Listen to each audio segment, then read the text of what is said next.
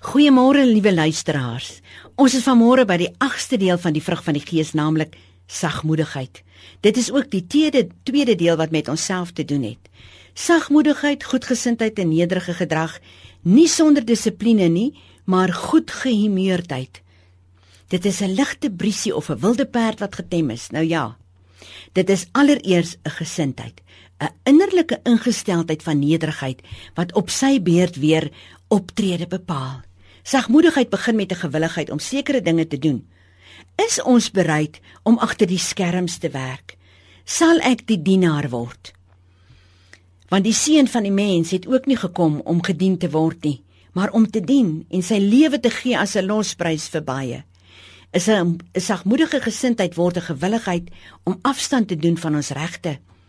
En elkeen wat jou 1 myl afdwing, loop met hom 'n tweede myl saam. Hou aan om lief te hê, om te vergewe, om aan te hou om goed te doen. Daarom moet ons gewillig wees om te sterf vir ons eie selfgesentreerde begeertes. Sagmoedige mense is vredemakers.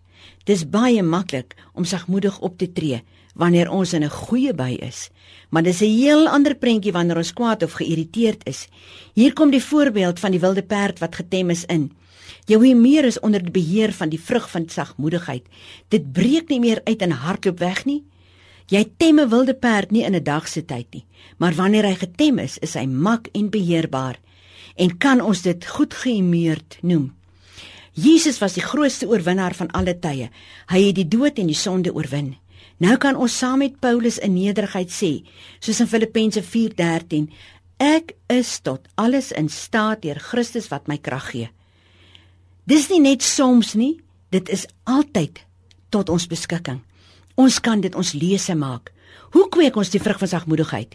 Deur God se onverdiende genade is ek wat ek is en sonder hom kan ek niks doen nie. Ek moet my medemens sien as kosbare God se oë en my optrede moet Jesus sin wees. As jy weet dat jy vandag 'n moeilike vergadering of 'n konfrontasie gaan hê, moet jy voorbereid gaan. Bid teen die en erken dat ek vandag in 'n besondere sagmoedigheid nodig gaan hê. Ek moet my voorneem om onsinnige argumente te vermy. Ek moet myself voortdurend daaraan herinner dat ek nie hier op aarde is om ander mense van my standpunt te oortuig nie. Die gevolg van sagmoedigheid is 'n innerlike skoonheid wat kosbaar is vir die Here. Here, ons aanbid U omdat die woord ons leer dat u sag en nederig van hart is en dankie dat u daardie eienskap in elkeen van ons se harte kan kom toepas. Amen.